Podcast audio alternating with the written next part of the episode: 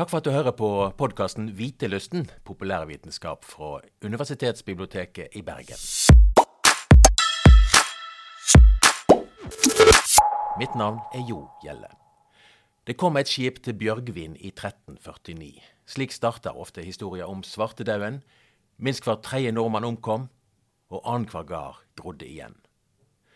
Magnus Voldseth, du er forsker i vitenskapshistorie ved HF-fakultetet og førsteamanuensis i medisinsk historie ved Medisinsk fakultet i Bergen. Og tilknyttet det nye pandemisenteret, det kan vi snakke mer om seinere. Skal vi si at norsk pandemihistorie starta da dette skipet kom til Bryggen i Bergen i 1349? Ja, det er i hvert fall ett opphav. Da hadde det jo vært flere hundre år siden pesten kom sist. Og um, det, det, var jo en veldig dramatisk historie. Vi har et sitat fra, fra samtiden. På denne tida segla ei kogge fra England med mange folk og la inn på Vågen i Bergen. Litt vart lossa, men siden døde alle folka på skipet. Da lastet fra skipet kom opp i byen, begynte byfolka å dø. Det er jo rimelig dramatisk. Og dette her er fra en uh, saga skrevet ned av en islandsk prest, Einar Haflidason, i lagmannsanalen. Og han skriver videre at dette var bare begynnelsen. Så spredde sykdommen seg til resten av Norge. Vi har en litt misforståelse om at, eh, at svartedauden var et sånn engangsfenomen. Og, og, det var nok mest dramatisk helt i begynnelsen. Men den sykdommen kom jo tilbake og tilbake og tilbake og tilbake over en 300-årsperiode. Så, så nådde den Norge typen 17 ganger. Lengre sør i Europa så nådde den over 30 ganger. Så det var eh, Dette var bare begynnelsen. Og store deler av befolkningen døde hver gang? Ja, Vi vet ikke helt sikkert. Det tar jo litt tid før vi begynner å telle og holde oversikt over befolkninga vår. Men uh, vi antar av at hvis du blir smitta uten medisiner, så er det en mellom 50 og 70% sjanse for at du dør. Kanskje enda høyere, gitt at folk hadde jo ikke verdens beste mat, folk hadde ikke verdens beste boforhold, og folk hadde ikke, sannsynligvis ikke verdens beste immunforsvar. Og alle sånne ting er med på å gjøre sykdom enda verre. Og dette med kosthold og boforhold, det skal vi også komme tilbake til. For nå skal jo du ta oss med gjennom pandemihistorier. ei historie om sykdom, nød og tragedie. Men òg ei historie om hvordan dette har vært med på å skape et helsevesen her i landet. Ja, da må vi ta, hoppe fra svartedauden og til et pestutbrudd på 1599, som når ut, slår ut i Bergen da. 150 år senere, altså? Ja, pluss-minus. Ja. 150 år senere. Og det er byllepesten igjen? Da er det byllepesten som kommer tilbake for uh, tiende gang omtrent. På det tidspunktet så fantes det jo leger i byen. Det var tre leger. Men til sammenligning så fantes det ni bartskjærere, som var liksom kirurger på en god dag eller en dårlig dag, og eh, barberere eller frisører på en, eh, på en litt bedre dag. Og de hadde også skjenkebevilgning. Barteskjærer. Der gikk du altså hvis du hadde problemer? Mest hvis du hadde knekt en arm eller skulle trekke en tann eller slikt. De fleste gikk nok til typen kloke koner som visste hvordan eh, urter og slikt fungerte. De tre legene som fantes her, de var jo utdannet på et universitet. Og det gikk jo mest i å lese teori på latin, så, så sånn sett så var det kanskje ikke veldig nyttig. Men likevel så var det legene som uh, kongen i, Christian, i, København valgte å satse på. Fordi de tre legene de valgte veldig ulike strategier da pesten kom. At pesten dukker opp, det, de visste jo legene veldig godt. Og da er det man har ikke mye å stille opp med. Altså, Besten kommer. Hvis man er heldig, så, så fyker den forbi uten å drepe for mange. Hvis man er uheldig, ja, da har man ikke noe annet å gjøre enn å vente på å dø og håpe på det beste. Det var jo forsøk på botshandlinger og slikt fra, fra prestene allerede fra svartedauden. Men de, de, tre legene som, som var her, de, deres strategier sier litt om hvordan folk reagerte. Den første legen han pakka sammen familien sin og reiste. For på landet. Den andre legen han gjorde nesten det samme. Han eh, fylte huset med proviant, barrikaderte vinduene og ble inne i to år til pesten var ferdig. Den tredje legen derimot, han het Villands Nilsen. Uh, og han hadde studert i Padova. Faktisk Han var student samtidig med Galileo Galilei, så vi er liksom i begynnelsen av uh, den vitenskapelige revolusjonen her i tid. Eller lokalt så, så har tiåret startet med at uh, Anne Pedersdatter ble brent på bålet på Nordnes. Så, så, det er jo ikke helt sånn Vi er fremdeles i middelalderen. Han ble ved sin post. Det var ikke så veldig mye han Willands Nilsen kunne gjøre for de som var syke. Men det er jo sånn at når en eh, pest eller en pandemi rammer, så, så forsvinner ikke andre helsebehov over natta. Så han kunne pleie uh, de som hadde andre sykdommer, han kunne trøste og han kunne bistå. Og det gjorde han. Og som takk for at han ikke stakk av, eller ikke bare garderte seg, så valgte kongen i uh, København, Christian Kvart, å, å belønne Willands Nilsen med statslønn som takk. Og det at han blir ansatt som, som statsfysikus, det er kanskje begynnelsen på det norske helsevesenet. Han får den første lønna si sommeren i 1603. Eh, og da vi feiret 400-årsjubileet for helsevesenet i 2003, så var det den første lønnsutbetalingen til Willands Nilsen vi feiret. Og senere så kommer det statsfysikuser i andre deler av landet også. Det som er litt nytt med at, eh, at Wilhelms Nilsen får statslønn, det er egentlig ikke at en lege jobber tett på kongemakta. Altså, vi, vi vet allerede at Håkon 5. Magnusson altså da er vi i 1300. Han hadde en egen livlege. Men livlegens oppgave det var jo å holde kongen i live. Det som er forskjellen her, er at nå er det befolkningen som er legens ansvar. Og hva er kongens motivasjon for å bry seg om folk? Det har med ideologi å gjøre. Uh, på, på, den tida her så er det en ny ideologi som heter merkantilismen, som begynner å vokse frem. Og, og i merkantilismen så ser man på Altså, det å ha en stor befolkning er et gode i seg selv. Skal du være en kul konge, skal du være liksom stor konge, så er det liksom det å ha en stor hær, det å ha en stor befolkning, det å, ha, det å eksportere mer enn man importerer, det er greia. Da bygger man rikdom. Og da fungerer det jo veldig dårlig hvis befolkningen dør av pest og andre sykdommer med jevne mellomrom. Ja, pesten kommer jo tilbake flere ganger til. Uh, i, i, Bergen så er det, det siste som når Norge, det er i 1654. Og da er det Østlandet som blir, blir ramma. Ja, Det at pesten forsvinner, det gjør jo ikke at minnet om pesten forsvinner. Og det er nok frykten for pesten som gjør at vi, vi får en ny uh, add-on til helsevesenet på, på 1730-tallet. Da, da, får også landdistriktene mediekusstillinger. Og i flere handelsbyer langs kysten så opprettes det karantenekommisjoner. Faktisk fra, fra 1805 så er det å ha en karantenekommisjon obligatorisk for handelsbyer. Uten et system for å sette skip i karantene hvis det er mistanke om smitte om bord, da mister du handelsprivilegiene dine. Og du kan jo tenke da en by som Bergen, som har vært en handelsby så fryktelig lenge. Det kommer ikke, ikke på snakk om. Selvfølgelig må vi ha den kommisjonen vår. Oppgaven deres det, det, altså Karantene, vet hvor det ordet kommer fra? Nei. Karantene det betyr egentlig eh, 40. Det kommer av en venetiansk dialekt, quarenta giorni. Og quarenta journey er 40 dager. Det er hvor lenge et skip skulle ligge i havn uten å losse, uten å gå i land i eh, beskyttelse for å sjekke at det ikke er smitte om bord. Så det er også noe som kommer helt tilbake fra, fra svartedauden, begynnelsen på svartedauden. Og det fortsatte man med. Eh, det å forsøke å stenge grensene og, og, stoppe sykdommen fra å komme inn i landet. Det er litt sånn parallelt med det innreiseordningene vi har i dag. Og neste store sykdommen som eh, får konsekvenser, det er kolera. Ja, helt riktig. Vi går fra pest til kolera. Uh, kolera det er jo en mye mer dramatisk sykdom. Uh, med kolera så kan du være helt frisk om morgenen uh, og, og, få en smitte i deg med, med, frokosten. Og så merker du at du blir uh, sjuk til lunsj. Og innen solen går ned, så kan du ha omkommet av væsketap. Veldig, veldig akutt og veldig dramatisk.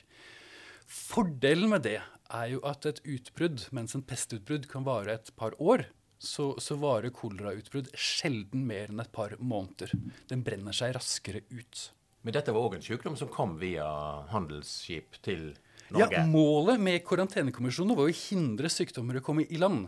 Uh, det fungerte jo aldri helt 100 så, så koleraen den nådde Norge flere ganger. Her i Bergen så var det verste utbruddet i 1848-1849. Og da har vi ganske gode tall, fordi legene begynte å holde god oversikt.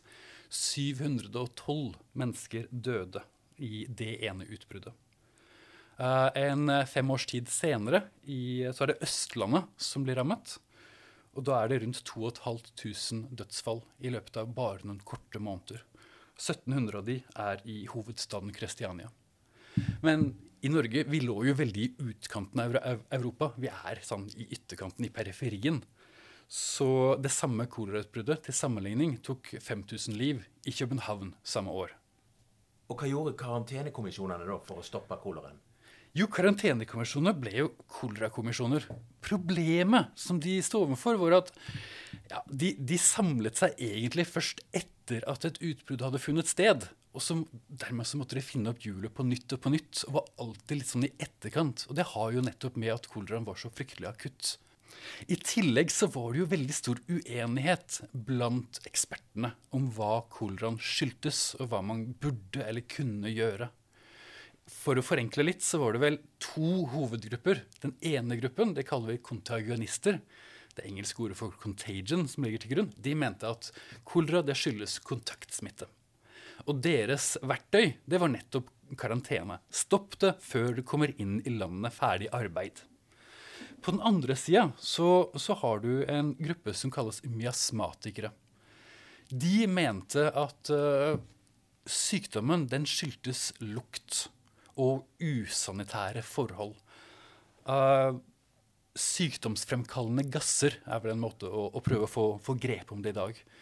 Deres tiltak det var ting som bedre vannforsyning, bedre sanitærtiltak, og at boforholdene, særlig i arbeiderstrøkene, skulle bli bedre. Og i etterpåklokskapens ånd så kan vi vel slå fast at uh, kontagonistene de hadde nok mest rett i å forstå sykdommen, og den smitter jo gjennom dråper. Men uh, når det gjaldt effektive tiltak, så skal vi være grådig glade for miasmatikerne. Fordi det å få kloakken i rør, og det å gjøre noe med de uh, Altså gjøre smitteverntiltak, som, som i praksis for det de argumenterte for, det fungerer jo som bare pokker.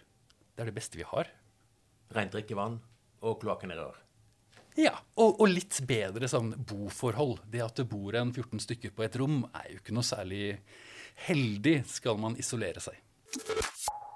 Neste store utfordring var lepra, spedalskhet. Ja, spedalskheten har jo den fordelen at den, er, den varer veldig lenge. Det er en kronisk sykdom. Vi snakket om pesten, og da snakker vi om en inkubasjonstid på en to til åtte dager. Koleraen, hvor det er snakk om nesten bare timer.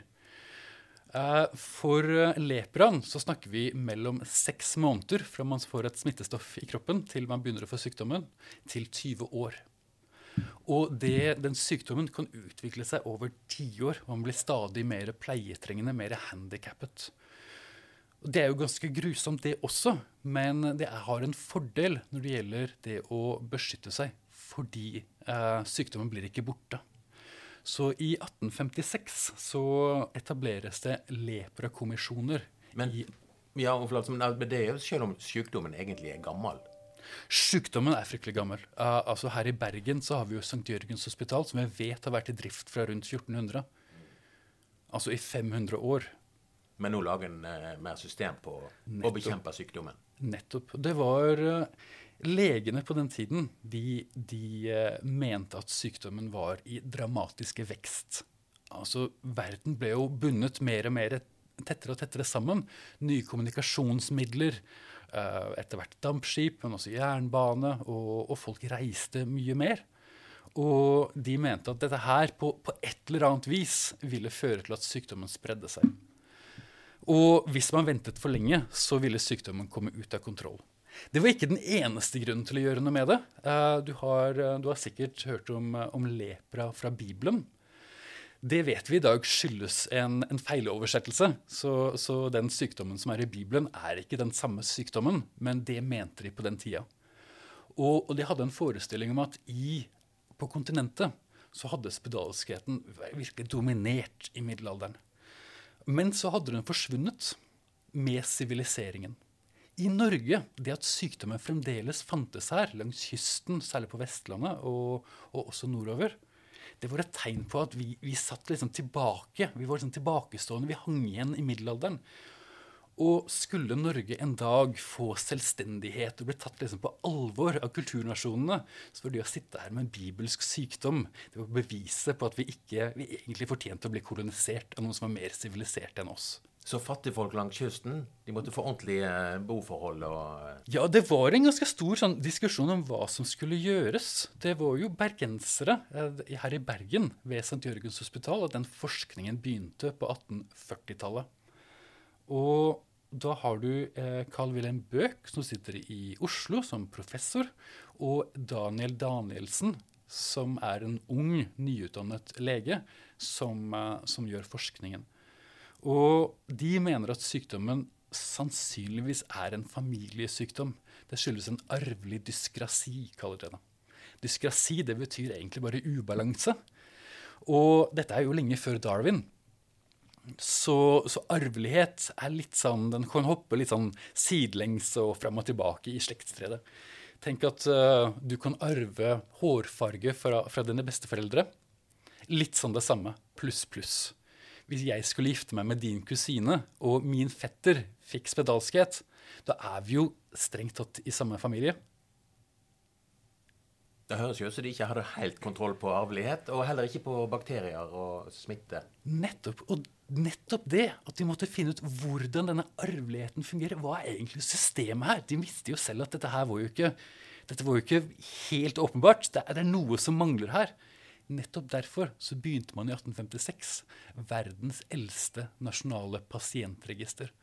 Da ble det etablert leprakommisjoner i alle distrikt med spedalske, og hvert år skulle du sende rapporter til en egen overlege for den spedalske sykdom og se hvor mange syke er det, hvordan går det med de. I tillegg til Nå har vi forskning, vi har et eh, pasientregister. Så ble det bygget institusjoner. Her i Bergen så fikk vi først et forskningshospital. Eh, og så, der skulle de finne en kur. Men i påvente av en kur så, så, var det et ønske om å bryte den arvelighetsrekka. Du kan jo tenke deg selv med en sykdom som tar så lang tid en, Hvis du blir, merker at du har symptomer, så vet du at om en 20 års tid så, så vil du trenge hjelp. Hva gjør du da i en verden uten helsevesen? Jo, du skaffer barn. For å pleie deg når du blir så handikappet at du vil trenge det. Ved å bygge institusjoner som i utgangspunktet skulle være gode hjem, så slapp du den, eh, den løsningen. Og da, da, får du det valget også, fordi sykdommen var jo en fattigdomsfelle. I, eh, I, mange distrikter så har vi opptil en 3,3% av befolkningen lider av sykdommen. Så alt overskuddet i bygda det går til fattigpleie og pleie de syke. Så, som blir værende i fattigdommen. Med institusjonene så har bygdene et valg. De kan velge å fortsette å pleie sine egne og ta regninga for det selv. Eller de kan velge å sende sine syke til statens institusjoner. Og da tar staten regninga. For å informere om at disse institusjonene finnes, så det var også en oppgave for disse lepra-kommisjonene som, som ble permanente. I tillegg så, så, drev de med mye annet. De drev med folkeopplysning og forklarte folk hvordan de skulle vaske hendene sine, hvorfor det var en god ting, hvordan de skulle kle seg i vær og vind, hvordan de kunne gjøre boligene sine bedre, hvordan de kunne få et bedre kosthold. Altså, tanken var at dersom befolkningen får den informasjonen de trenger, så vil de selv beskytte seg mot sykdom. Så her har vi gått fra en kommisjon som skulle stoppe importsmitte, til en ny virksomhet der en skal drive opplysning og forebygging? Opplysning, forebygging og eh, sende folk til institusjonen og informere om det. Mm. Og forske. Og de, og de fant jo ut forskjellig her i Bergen. Ja. Høydepunktet er nok oppdagelsen av leprabasillen eh, fra Gerhard Armar Hansen. I, den ble vel oppdaget 28.2.1873, så der har vi et jubileum som nærmer seg. Um, men i tillegg, dette er et viktig poeng, uh, leprakommisjonene viste seg å være veldig effektive.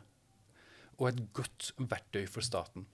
Og da vi i 1860 får en egen sunnhetslov, Um, Aina Schjøtz, nå, avdød medisinhistoriker, hun har kalt dette for helsevesenets grunnlov. Sunnhetsloven av 1860. Og med den så blir det, disse leprekommisjonene utvida til sunnhetskommisjoner. Ikke bare i distrikt med spedalske, men i hele landet. Og da begynner vi å se konturene av et medisinsk hierarki. De rapporterer til en distrikt, eh, til hovedstaden, medisinalvesenet der. Jeg innbiller meg at i skikkelig gamle dager så var sykdom og død en del av livet. Så å si det var ingenting å gjøre. En måtte bare akseptere sin skjebne. Men nå er en på vei ut av det. Ja, Øyvind Larsen, historiker ved Universitetet i Oslo, han sier at det er tre transisjoner, eller tre overganger, som skjer i løpet av 1800-tallet, rundt midten til eh, andre halvdel av 1800-tallet. Det første er en uh, demografisk transisjon. Uh, barnedødeligheten spesielt går ned, og dermed så, så blir, øker befolkningen veldig raskt. Altså Når dødeligheten går ned, og, og, folk fortsetter å få like mange barn, ja, da øker folketallet.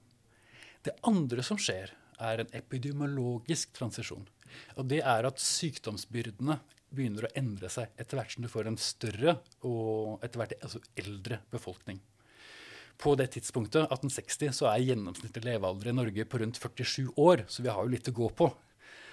For det tredje så, så mener jeg at det er en mental transisjon den spedalskheten for eksempel, som rammet bygdene, det, i områder hvor én eh, av 30 får spedalskhet, så er nok det en bare en kjip, men ikke helt unormal måte å bli gammel på. Det er skjebnebestemt. Med den mentale transisjonen så er nettopp den forventningen til at man skal leve et langt og sunt liv, det kommer inn som noe nytt. At sykdom er ikke bare skjebnebestemt, det er noe man kan beskytte seg mot. Men det tar jo litt tid da, før medisinen faktisk klarer å oppfylle det håpet. Det, det henger sammen med, med, noe annet. og da, da, vi, da er vi tilbake til den oppdagelsen til Armar Hansen, som er den, å, forspillet over tyren til den bakteriologiske revolusjonen. Neste store helseproblem i kongeriket Norge er tuberkulosen. Det stemmer. Nå må vi snakke litt tall. På det meste så var det noe sånn som 2900 spedalske i Norge på samme tid. Det er jo ganske mange. Over, uh, over tiden så er det snakk om 10 000, eller mellom 9 og 10 000 som har hatt lepra i Norge. Tuberkulose i 1900, hvor vi får vår første tuberkuloselov, det året så dør det over 7000 mennesker av tuberkulose alene. I en 60-årsperiode fra 1895 til 1955 så snakker vi om bortimot en kvart million dødsfall. Altså dette er stort. Tæring eller den hvite pest, det er noe som rammer hele landet. Det er folkesykdommen fremfor noen. Og nå sitter vi midt i en pandemi mens vi snakker her, og nå er det de eldre denne den er farligst for. Tuberkulosen den var ikke slik. Nei. Det, det, som er litt sånn rart med tuberkulose, er at dødeligheten er nok høyest for de som er typen i 20-årene. Altså, Når de kommer til forklaringer på hvorfor, da må du spørre noen som, som kan medisin. Men uh, det, det, er, nok sannsynligvis noe med at immunforsvaret reagerer så sterkt at uh, det tar helt over. Men det, det, kan andre mer om enn meg. Hvis du var i uh, La oss si at du var 20 år og hva var dødeligheten, sjansene for at du døde, av eh, ja, tuberkulose? Det var 60% av alle dødsfall i den aldersgruppa skyldes tuberkulose. Hva, hva gjorde myndighetene da dette her brøt løs? Ja, logikken her var jo at uh, man står overfor en sykdom som uh, man med bakteriologien har, har, funnet ut at er smittsom. Robert Koch er vel den som har fått ære for det i 18, på begynnelsen av 1880-tallet, så, så, viste han at alle som har sykdommen, har en, en stavformet bakterie i kroppen. Og den stavformede bakterien den kan tas ut. Den kan gros i en skål. Og hvis man da setter den inn i et forsøksdyr, så vil den utvikle tuberkulosen. Og så kan man ta bakterien ut, og, og tilføre et annet, gro den i en skål på nytt og tilføre et annet forsøksdyr. Og igjen, det samme skjer. Så da får man helt klart bevis på at dette er årsaken. Men det å finne, det å, det å finne ut at en bakterie er en årsak, det, det er jo veldig fint i teorien, men og så, da? Det går lang tid fra man kommer til uh, fra det punktet hvor man finner ut hva en år, sykdomsårsak er, til man får medisiner. Så uh, det som uh, blir konsekvensen, er at man, man, bestemmer seg for å prøve å hindre bakterien i å spre seg med såkalt ikke-medisinske tiltak. Og de tiltakene er nøyaktig de samme tiltakene vi ser i dag. Vaske hendene, holde avstand. Hoste i armhulen, si, i, i albuen. Hoste i albuen, eller helst ikke gå ut hvis du hoster i det hele tatt. I hvert fall ikke gå på jobb. Mm. I tillegg, og, og, her kommer det som, som, kanskje var litt annerledes i tiden, så, så ble det bygget store institusjoner. Vi snakker om uh, tuberkulosesanatorer. De var de største. Vi har et førtitalls som ble bygget i Norge. Og tuberkulosehjem. Og de har vi et par hundre av.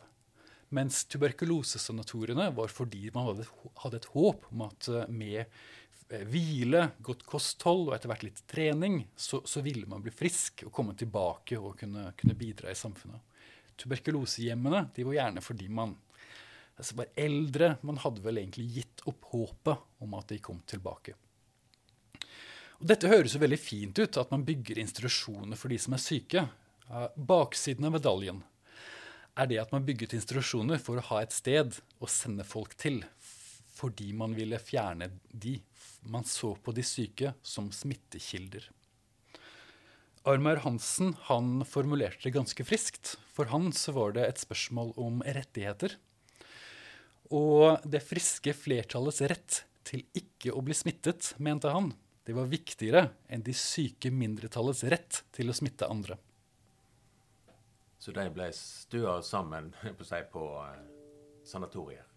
Og så kan vi jo spørre oss fungerte dette her. Uh, og hvis vi ser på, på, statistikken av hvor mange som blir uh, smittet, og hvor mange som blir syke, og hvor mange som dør, så ser vi jo at vi får tuberkulosen under kontroll før medisiner. Før vi får BCG-vaksinen, før vi får antibiotika som fungerer mot uh, bakterien. Og samla de syke virker?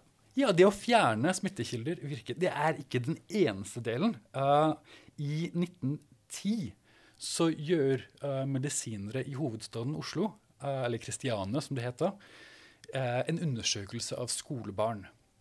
Og da, da gjør man en sånn tuberkulinprøve det er, en, det er en, slags antistoffprøve, lignende den, den, prøven vi tar i dag, med sånn PCR-metode og en, en, stav inn i nesa for, for covid-19. Og Det består av to små rasp i huden og så en dråpe med tuberkulin på. Og Så ser man om det blir en reaksjon etter litt tid. Det de legene fant ut i 1910, var at innen folk gikk ut av skolegangen, så var det mellom 90 og 100% som hadde reagerte positivt på prøven. Altså Som betydde at de var utsatt for bakterien. Altså Alle gikk med bakterien i seg? Nesten alle? Ja, og det var litt sånn overraskende. Fordi de trodde at det å stoppe bakterien, det var jo løsninga. Og etter å ha tenkt seg litt om, så fant man ut at nei, faktisk, det er mange som får bakterien i kroppen og likevel ikke utvikler sykdommen. Og dermed så endrer man fokus. Fokuset er ikke lenger bare å, å fjerne smittekilder, altså fjerne de syke, men også å bygge opp kroppene til den enkelte syke. Da snakker man om frisk kropp i et sunt legeme. Og ting som skolemat, bedre boforhold, den type ting. Etter hvert også kroppsøving. Tuberkulosen var jo ikke før under kontroll før spanskesyken kom eh, veltende. Ja, spanskesyken, den, den har jo blitt mye snakk om i dette året. Uh, Spanskesyken var lenge kjent som den, uh, den glemte uh, pandemi, eller den glemte epidemi. Det var vel bare spesielt interesserte medisinhistorikere og, og medisinere som, som, tok dette opp som en sånn skremsels Så ille kan det gå, hvis ikke vi, vi husker på beredskap. Men i det store og det hele så, så gikk den nå ganske fort over uten veldig store konsekvenser. For selvfølgelig, dette det hadde jo konsekvenser for de som ble ramma. Vi snakker om en mellom 15 000 og 17 000 dødsfall. Så, så, I sånn, Norge. I, Norge. Mm. I, I, verden så, så, varierer det veldig i uh, både hvor mye, hvor mange som folk som døde, ulik, eh, på ulike steder, men også anslagene. Lave anslag sier 25 millioner. De høyeste anslagene mellom 75 og 100 millioner mennesker som dør i løpet av da fire bølger. Og der òg var det sånn at det var de unge som eh, ble ramma? Ja. Um, vi har en influensapandemi som når Norge i 1890. Sannsynligvis så var det slik at de som ble utsatt for den og overlevde, uh, de hadde antistoffer i blodet. Det vet vi ikke sikkert, men det var særlig de i uh, altså, småbarnsforeldrealderen som døde folk i begynnelsen av 20-årene. Så, så, det fikk jo voldsomme konsekvenser. sånn sett. Ikke bare hvor dette arbeidere som man har bygget, satt ressurser i å lære opp og gi skolegang og mat osv., men, men også det at man satt igjen med veldig mange foreldreløse barn. Så dette fikk jo mye konsekvenser. Og den epidemien ligner jo vel litt på det vi har i dag, på den måten at uh, det er å holde avstand og holde hygienen. Og, men en satt jo ikke og venta på en vaksine. Det måtte jo bare brenne ut. Ja, det var diskusjoner her i Bergen, bl.a. Alle, alle leger, eh, selskaper, legeforeninger, de samlet seg og diskuterte denne influensaen med jevne mellomrom. Og, det ble faktisk tatt til orde her i Bergen blant et par leger som sa at vi må, vi må stenge ned. Vi må stoppe kinoen og, og, be folk holde seg hjemme for å få dette her noenlunde under kontroll.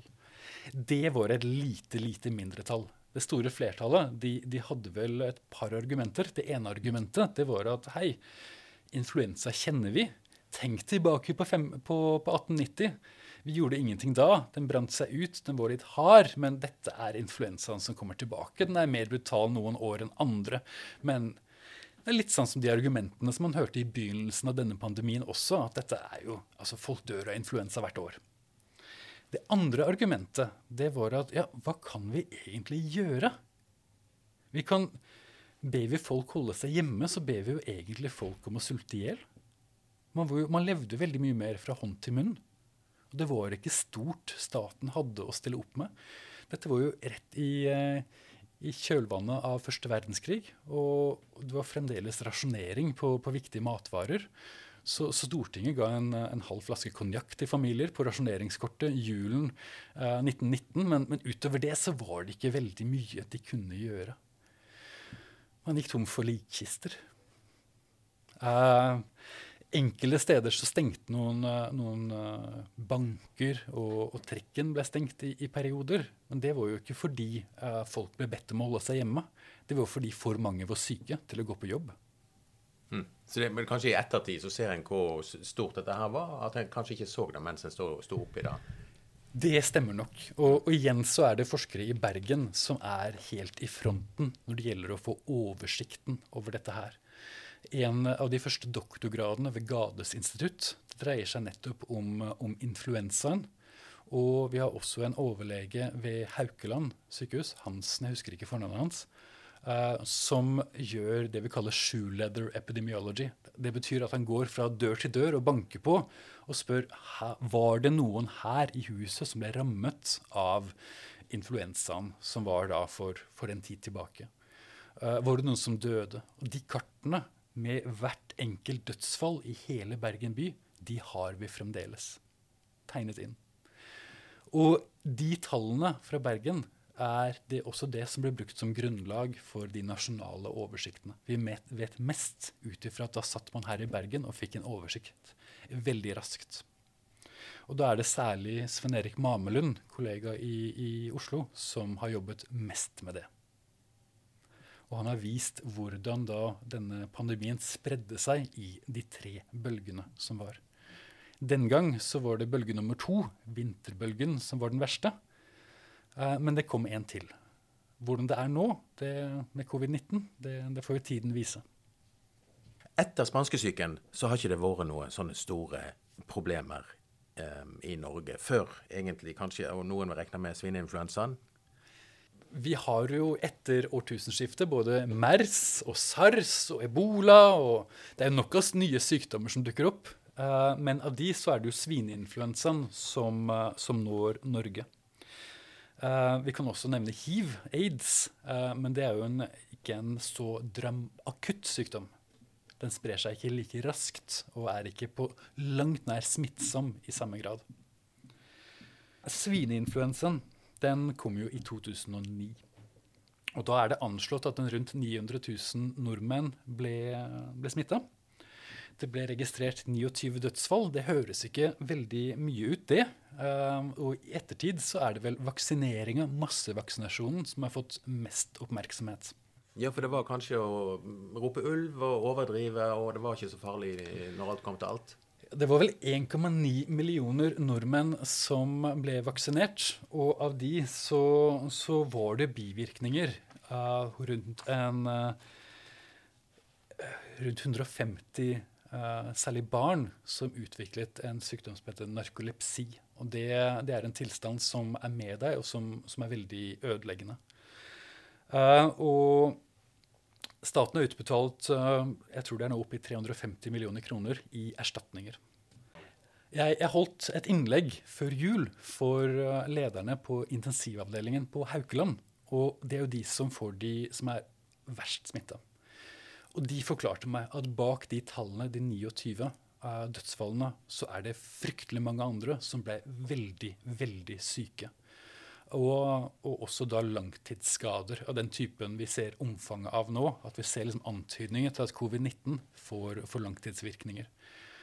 Og de mener bestemt at dersom sykdommen hadde fått bre seg videre utover, så ville vi nok uh, hatt et litt annet syn på det i dag. Det er grusomt for de som fikk narkolepsi, men sykdommen i seg selv, med de skadene den kan føre til, er nok enda, enda verre. Du er jo tilknyttet Pandemisenteret. Hva er det for noe? Det er jo et eksempel på, på, hvordan vi ikke vet hva denne pandemien vil føre til. Pandemisenteret ble oppretta på, på veldig kort tid under pandemien. Og det er et senter for å, å samle kreftene som uh, forsker på det som har med, med sykdom, utbredt sykdom og beredskap og konsekvenser fra alle fagfelt. Det er ikke bare medisinere, men også alt fra jurister til uh, samfunnsvitere til psykologer, uh, kunstnere og, og historikere som meg det at folk kommer sammen fra ulike bakgrunner, ulike disipliner, ulike forskningsfelt, og, og, begynner å jobbe med de samme tingene sammen, hva de vil finne ut av, det, det må nesten bare framtida vise.